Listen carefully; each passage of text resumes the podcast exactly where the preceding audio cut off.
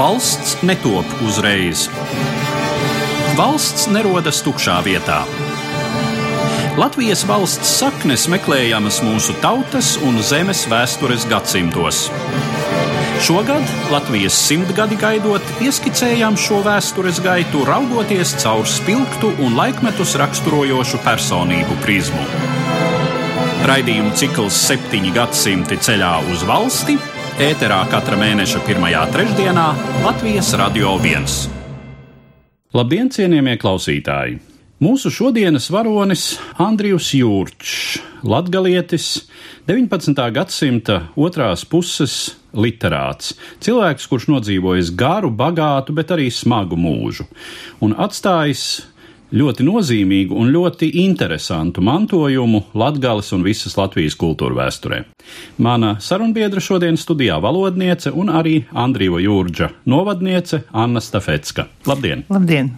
Tas, ko varbūt salīdzinoši vairāk zina par Andriju Jūrģu, ka viņš ir viens no rokrakstu literatūras veidotājiem, tātad viņa dzīves laikā iespējams, ka ir daži viņa teksti zināmajos barona Mantēfeļa izdotajos latgaliešu kalendāros, jeb kā tos sauca laika gromata. Un uh, Viss lielais Andrija Jūrģa mūža veikums ir palicis pamatā rokrakstos, un šie rokraksti arī ir kalpojuši kā lasām viela par to, cik tālu tie ir klejojuši, ceļojuši no Andrija Jūrģa mājām, un kā tas viss ir noticis, un kādi apstākļi to visu noteica. Par to arī mūsu šodienas saruna.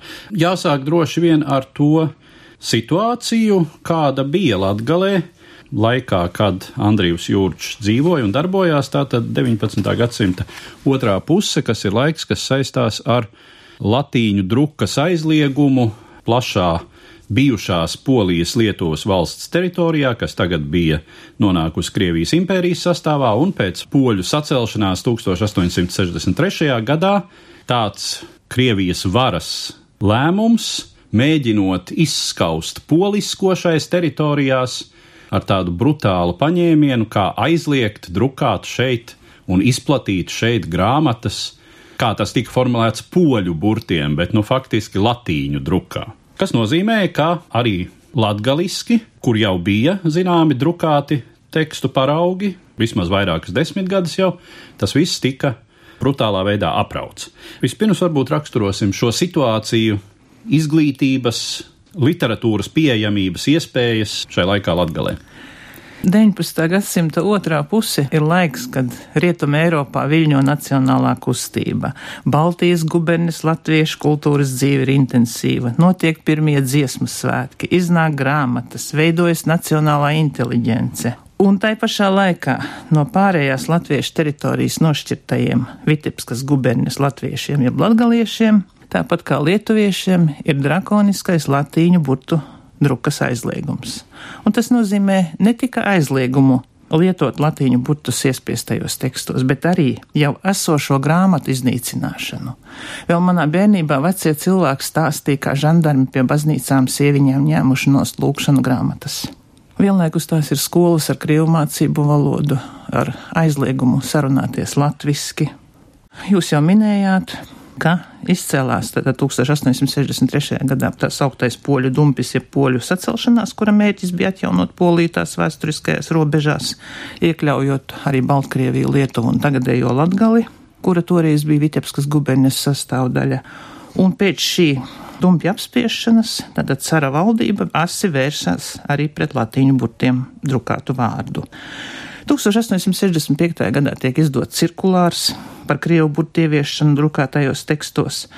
Taču tradicionāli par drukas aizliegumu sākumu Latgalē pieņemts uzskatīt 1865. gadu, kā raksta izcilais Latgales vēstures pētnieks Boļislavs Brežgo, nereti par faktisko drukas aizliegumu sākumu uzskata 1871. gadu, kad vietējā cariskā administrācija Latgales kultūras darbiniekam Gustavam Mantēfelim piespieda apsolīt, ka viņš vairs nerakstīs lietuviskas grāmatas poļu burtiem. Tātad cara ierēģiem pašiem arī lielas sajāgas par to, kas ir latgaliskais, kas lietuviskais, kas poliskais nebija. Galvenais bija šī antīka vai jeb latīņu burti, jo jāpiezīmē, ka latgalē gotu burti nav bijuši, ir bijuši tikai latīņu burti.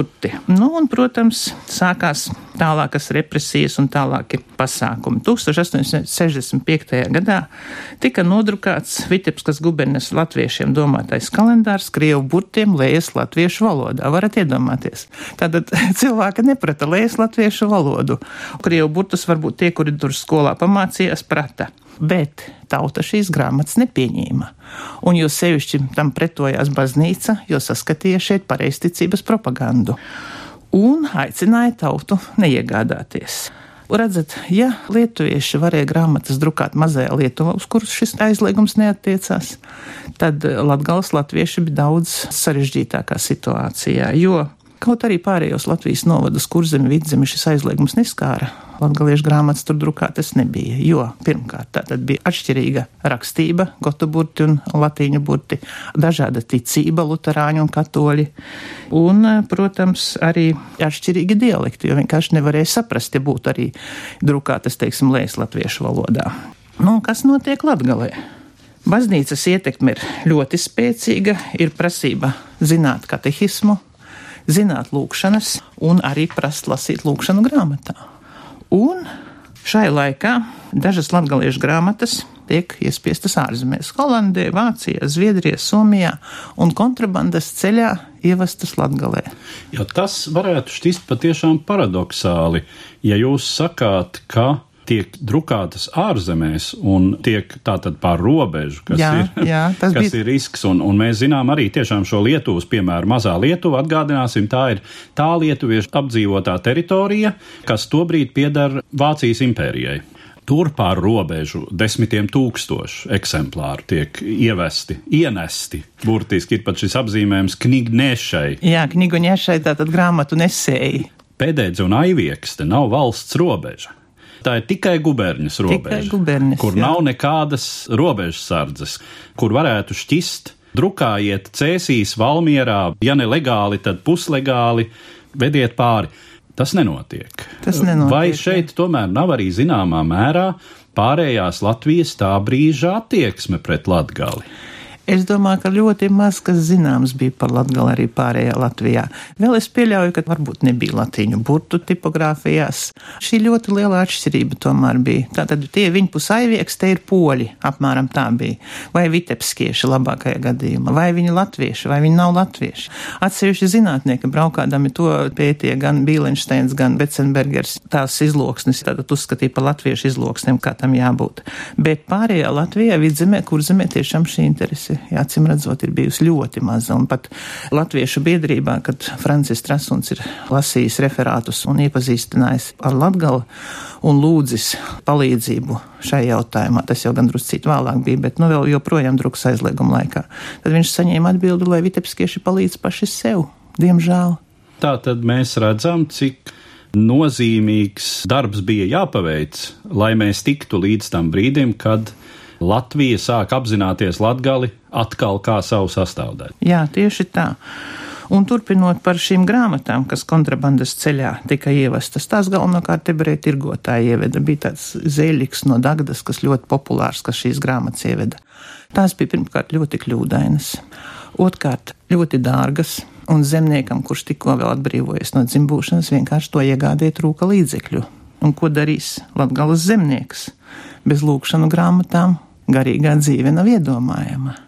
Nu, tā rūpīgi tiek glabātas pirms drukas aizlieguma iespiestās vecās lūkšanu grāmatas, kas arī kalpoja kā abeces mājmācībā, pārakstītas ar roku atsevišķas nodilušās lapas, pamazām arī veselas grāmatas, un vēlāk arī ar roku tika rakstīti praktiski padomi zemniekiem, folkloras materiāli, retāk pašautoru oriģinālu sacerējumi un radās ar vien vairāk un vairāk ar roku pārakstītu grāmatu. Un tā rezultātā mēs šodien varam runāt par veselu periodu latgaliešu literatūras vēsturē, tātad rokraksta literatūru, drukas aizlieguma laikā, ko radījuši galvenokārt paši latgales zemnieki, būdami bez skolas izglītības. Tātad mācīdamies lasīt tā sauktajā mātes skolā pie vērpja maratiņa, kad māte mācīja bērnu no lūkšanu grāmatas lasīt. Nu, un uh, Andrijs Jurčs ir šajā ziņā tipisks piemērs. Jā, un uh, jābrīno arī jūdža tieksme pašizglītoties. Lasīt viņa ir iemācījusi māte bērnībā, un pats, esot ganos iedams uz bērza tās, ar ogli vilcis šos drukātos burtus, tā iemācīdamies rakstīt. Tā vismaz stāstīja viņa radinieki. Viņš ir bijis ļoti labs dziedātājs, baznīcas skora dziedātājs, viens no vadošajiem. Un uh, vietējais prāvests bija latīņu valodu viņam pamācījis. Nedaudz viņš ir pratis lietuviešu, poļu valodu. Arī gotu burtus viņš ir zinājis, un viņš lasījis, abonējis Pēterburgas avīzes, un no šīm avīzēm ir šo to viņš pārakstījis, un interesanti ir viņa vārdu skaidrojumi, kā viņš skaidro šos leizemnieku vārdus, kas tur ir, lai latgals zemnieks varētu saprast. Ir vārds vienkāršs, jeb vinkošs, viņš raksta. Šis vārds tad, acīm redzot, nav bijis tajā laikā izloksnē. Un kā viņš saka, tas ir sprostais pase, tas ir pašports no krievu. Glāze, tas ir stikls. Vīsis, tas ir gosts. Vīšņa, tas ir gaška. Saskaitīs, tas ir aizadusmojis. Vienu brīdi valdīja uzskats, ka viņš sūtīja Gustavu Mantieferu kalendāriem savus sacerējumus. Iespējams, bet es domāju, ka viņš drīzāk pārakstīja no šiem kalendāriem grāmatās un izplatīja apkārtējiem cilvēkiem, lai tad viņi iepazītos. Un pats viņš ir veidojis divus kalendārus. Viens ar nosaukumu Mūžīgais kalendārs. Un šeit ir viens iespiestais jau kalendārs, kas ar jūdžu dzimtas gādību, tātad ar finansiālu atbalstu tika izdots. Un, kā rakstīts ir titullapā, tātad šis izdevums tapis īstenojot vecs, vecs, vectēva drukas aizlieguma laika sapni. Jūdžu dzimtas vārdā par grāmatas izdošanu gādājuši Andris un Roberts. 1999. gadā izdots. Tas ir rakstīts 1916. gadā pēc drukas aizlieguma jau, jo viņš vienkārši ir turpinājis rakstīt.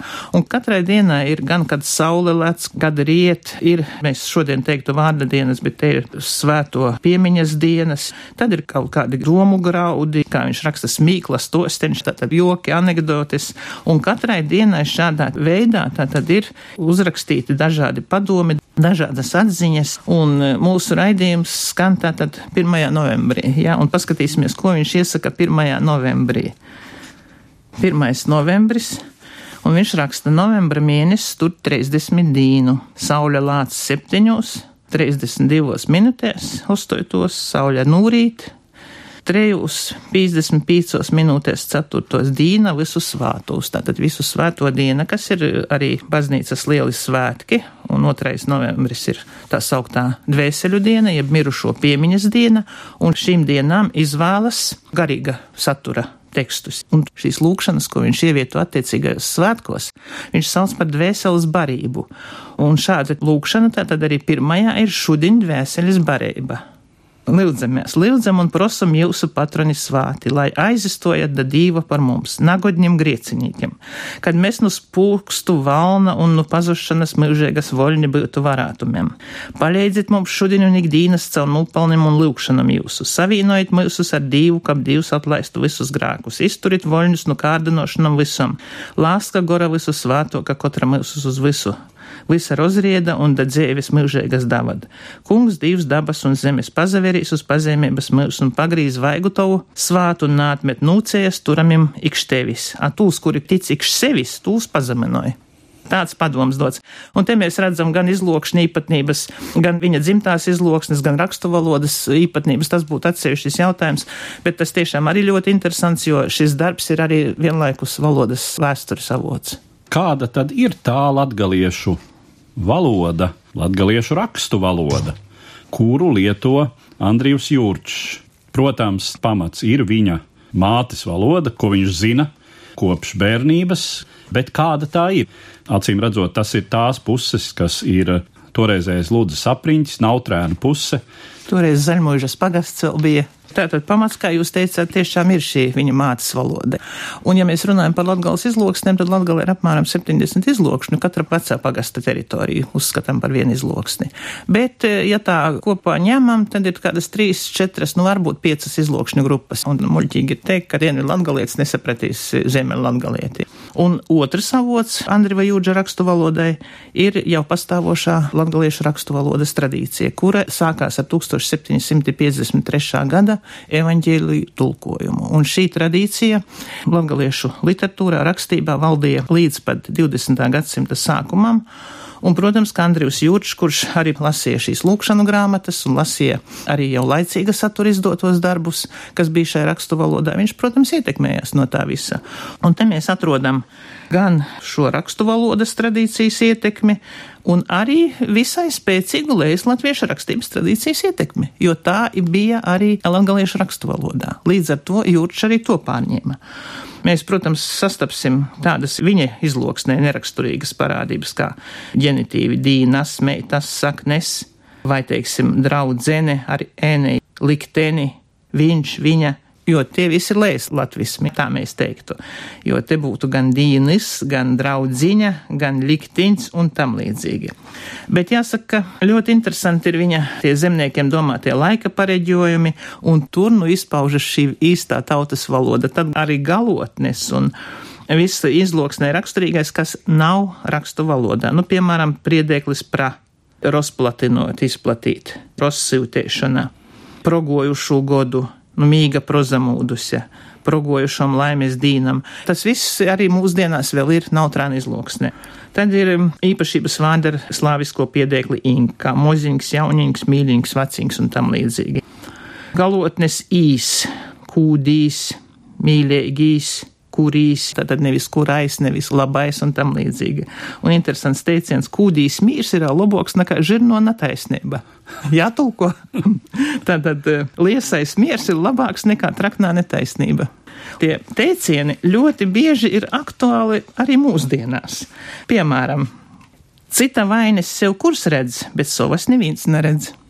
Soldons dzerūt, rūkts moksojūt, verīs par kūtu smējis un ar kūtu smējis.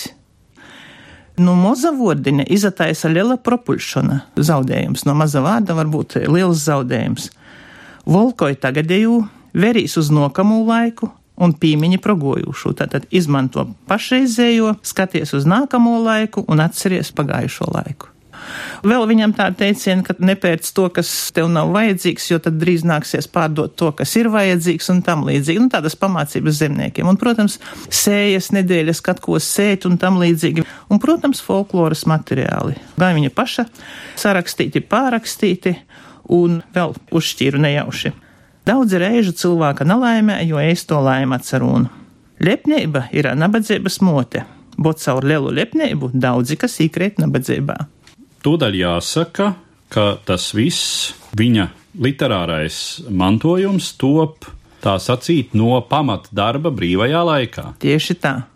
Un pamatdarbs tas ir tobrīd nebūt nevieglais zemnieka darbs. Jā. Lielākoties roku darbs. Lielākoties, un kā teica viņa mazdēls, Latvijas kultūras darbinieks Jānis Cibuļskis, dienu zemnieks, nakti rakstnieks. Šāda realitāte, jāsaka, viņu sarado ar daudziem latviešu trimdas rakstniekiem pēc otrā pasaules kara, kuri pa dienu strādāja kādu maizes darbu, pa nakti vai vēla vakara stundām veltīja sevi rakstniecībai.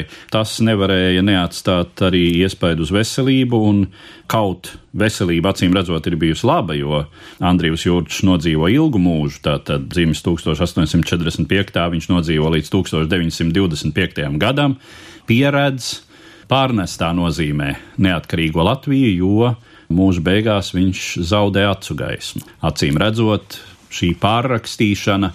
Pie skala gaismas droši vien. Un pārrakstīto, sarakstīto tekstu apjoms ir, jāsaka, arī fenomenāls. Jā, esot uzrakstīti apmēram 20 vai pat vairāk sējumi, un tie bija nodoti Rēzeknes centrālajām muzejām un, diemžēl, ugunsgrēkā lielākā daļa no viņa mantojuma ir gājusi bojā.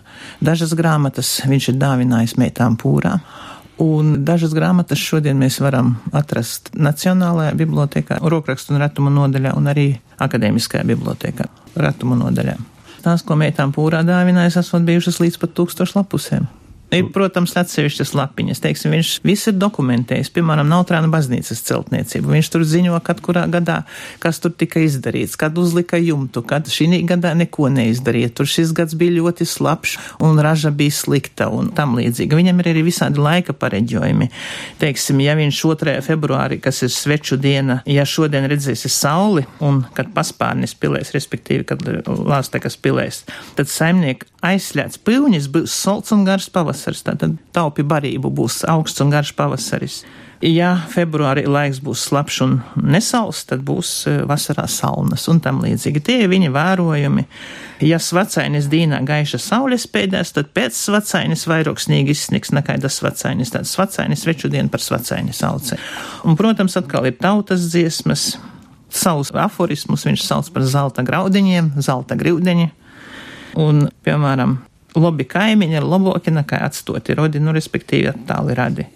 Un daudzus mēs atrodam tādus, kad maizes gana tūlaiki zemeglis raja, tā tad arī zemeglis ir paradīze. Kažuks vuškas dvēsele cilvēka. Tad aitas kažoks, bet cilvēka dvēsele. Netici ausīm, bet tici acīm. Nastrāpoja braukt, pabaroja zirgu.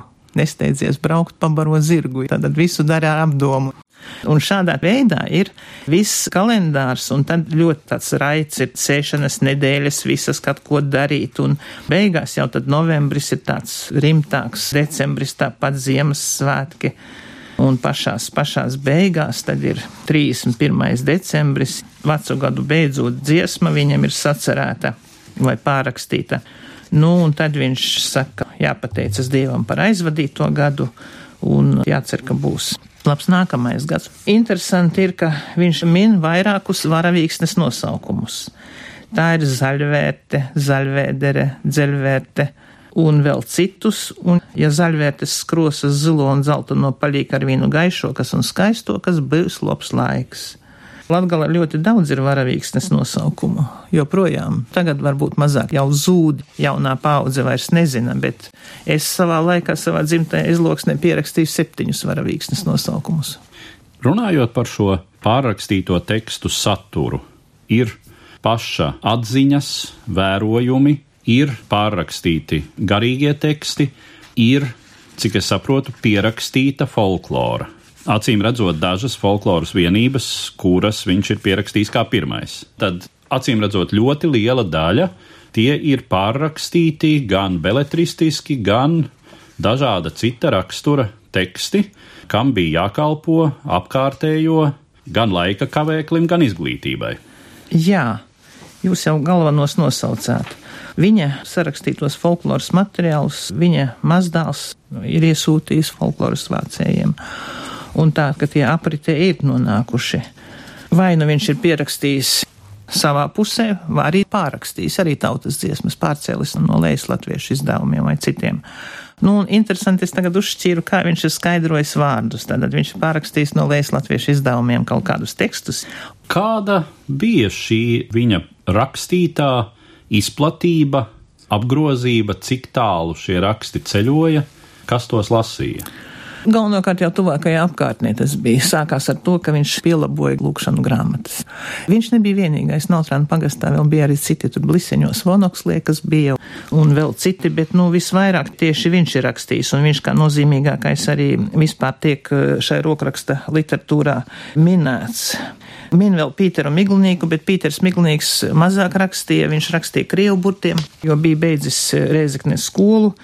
Vēl bija tātad Izidors Vonoks no Zaļmuižas. Bija citi arī, bija Bērspilī, bija Varakļānos, Svilāni bija, bija Makašānos diezgan daudz rakstītāju. Šī josla, tātad Nautrāni, Makašāni, Bērspils, tas apvidus bija tas, kur visrosīgāk darbojās. Un Aleksis Apinis, mūsu bibliotēku zinātnieks, raksta, ka tieši šajā apvidū pēc drukas aizlieguma atcelšanas Tātad šajā apvidū, kur darbojās grāmatu pārrakstītāji, ap 1900. gadu, tātad 35 gadi pēc drukas aizliegumā ieviešanas, konstatēta samērā augsta Latgales latviešu zemnieku lasīt prasme līdz pat 76,5% tā viņš raksta. Un turpat blakus esošajos pagastos, kur šī rokraksta literatūra nebija tik izplatīta, tikai 39% viņš min. Te mēs lielā mērā varam vilkt to paralēli, kāda ir šai pašiniciatīvai, izglītības un vispār garīgā klimata uzturēšanas jomā ar to, kas notika vidzemē kādus 150 gadus iepriekš, kad tur darbojās eh, brāļu draugs. Tieši tā, jā. jā. Šernhūtieši. Un uh, savā ziņā Mēs esam šai raidījuma ciklā arī runājuši par ķikuļu jēkabu. Bet redzat, šeit jau tas bija piespiedu kārtā, jo te vienkārši nebija grāmatu.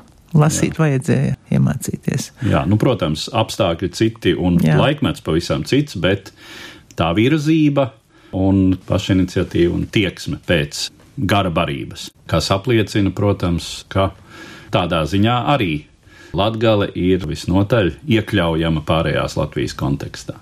Ja mēs rezumējam un paskatāmies uz to vispārējo nozīmi, kāda tad ir bijusi Andrija Jūrģa dzīvei un darbībai Kā jūs to raksturotu? Protams, viņam bija liela nozīme savā laikā jo viņš ir bijis tāds garīgās dzīves vadītājs, jāsaka.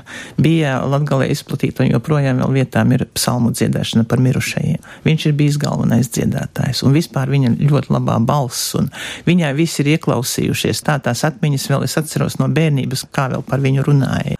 Viņš lika pamatu, jo Nautrāna pagastā pēc tam ļoti kultūras dzīve rosīga bija. No turienes taču nāk daudzi kultūras darbinieki, un es domāju, ka šis bija tas pamats, šī tieksme pēc gara gaismas. Tā tāpat arī Pīters Miglinīgs cīnītājs par zemnieku tiesībām, tas viss nepazūd, jo tas rada to pamatu, uz kura tālāk aug jauni spēki. Un tas, kam mēs jau pieskārāmies mūsu sarunas sākumā, ka tam bija ļoti liela nozīme, lai mēs tad tiktu līdz brīdim, kad uh, 1917. gada sākumā Latgale nepārprotami pasaka, ka tā ir Latvijas daļa. Jā, un interesanti ir arī Latgales latviešu pašapziņa, jo nacionālais un reliģiskais bija ļoti cieši saplūdis. Un vēl Francis Kemps raksta, ka 30. gados vēl dažkārt Latgales latvietim jautāta tautība, viņš atbild vai nu polis vai katolis bet eh, kultūra vēsturiskajos aprakstos, arī grāmatās, daļliteratūrā tiek citēti tādi tautā noklausīti teicieni, ka kas tie par latviešiem viņu pusaivieks, tie ne viņa baznīcā iet, ne viņa gavēņus ievēroja, tātad tie nav latvieši, mēs esam latvieši. Tāda interesanta šīs nacionālās pašapziņas izpausme. Un vēl jāpiebilst, ka Andriju Jūrģu un pārējo grāmatu pārakstītāju darbam ir milzīga nozīme, lai nepārtrūktu šis latgaliešu literatūras attīstības process. Kāds viņš bija, nebija, bet viņš bija jo bija jau arī, protams, tādas um, riskantas, bīstamas alternatīvas. Viena bija, protams, pārkrievošanās, kas zināmā mērā notika, lai gan daudz mazākā mērā nekā uz to varbūt cerēja cara režīms, bet uh, otra iespējams pat nozīmīgākā alternatīva bija pārpoļošanās. Arī bija, jā. Kas saistījās ar šo jūs jau piesaukto katoļu baznīcas ietekmi, arī jā. vietējās mužniecības ietekmi, kura pretojoties pārkrievošanai savukārt tad piedāvāja vai zināmā mērā var teikt, arī uzspied pārpoļošanās iespēju, un ir zināmi gadījumi, kad šur un tur nepārprotami bez jebkādas imigrācijas ir 19. gadsimta otrajā pusē parādījušās poliski runājošas zemnieku kopienas. Kārklu poļi. Jā. Bet eh, no otras puses, baznīcā tomēr skanēja latviešu valoda tās vietējā formā. Un šī stingrā katoliskā vide, kas bija šīs ģimenēs tradīcijas, tas viss kopā tomēr palīdzēja nosargāt to latvisko identitāti. Jo es domāju, ja nebūtu bijis katolicisms, grūti spriest, vai tagad Latgale būtu vai nebūtu. Un arī tas, ka bija jāmācās katehisms, ka bija jāmācās lūkšanas, kā tie poļu uh, garīdznieki runāja, kā kurš, bet 19. gadsimtā jau parādījās arī, protams, latviešu garīdznieki vietējie, un pēc tam jau, ka nāca nacionāla atmoda, kas krietni vēlāk bija latgaliešu, un kas norisinājās Pēterpilī. Tur arī lielākoties taču Francis Trasuns, Nikodems Rancāns, Jāzeps Rancāns, tie visi bija garīdznieki. Un iegūt izglītību Latgales zemniekam nemaz nebija tik viegli, un tāpēc, jā, kādam, teiksim, bija šī dzirksts, ka ir kaut kas jādara dzimtā novada labā, viņš gāja uz garīgo semināru. Nikodams Rancāns pat atteicās no savas militārās karjeras, kur jau viņam bija diezgan augsta sasniegta. Var tikai apbrīnot šos zemniekus, kas nepakļāvās, kas pat rakstīja roku grāmatas vai mūsdienās kaut ko tam līdzīgu mēs varam iedomāties. Tie, kuri ir dzīvojuši vēl padomju iekārtā un atceras kaut ko no tā, ko sauc par samizdatu. Nu jā, tas gan, tas gan. Vairāk gan ne ar roku pārakstītu, bet tad jau ar Mašīnu. rakstām mašīnu, bet kaut Bet kas līdzīgs. kaut kas līdzīgs bija, jā, pati tiku redzējusi. Tātad šīs paralēlas mēs varam saskatīt visai daudz ar dažādiem citiem līdzīgiem fenomeniem, kur visur ir klātesošs represiju, apspiešanas, ierobežošanas kāds elements. Līdz ar to es arī noslēdzu mūsu sarunu, kas bija veltīta Latgales kultūras darbiniekam, rokrakstu literatūras kopējam Andrīvam Jūrģam un saku paldies manai sarunbiedrei, valodniecei Annai Stefetskai. Paldies, ko klausījāties! Septiņi gadsimti ceļā uz valsti. Mūsu vēstures gaita pretī valstiskuma tapšanai caur iezīmīgu personību prizmu skatīta. Raidījumu cikls ēterā katra mēneša pirmajā trešdienā Latvijas Radio 1.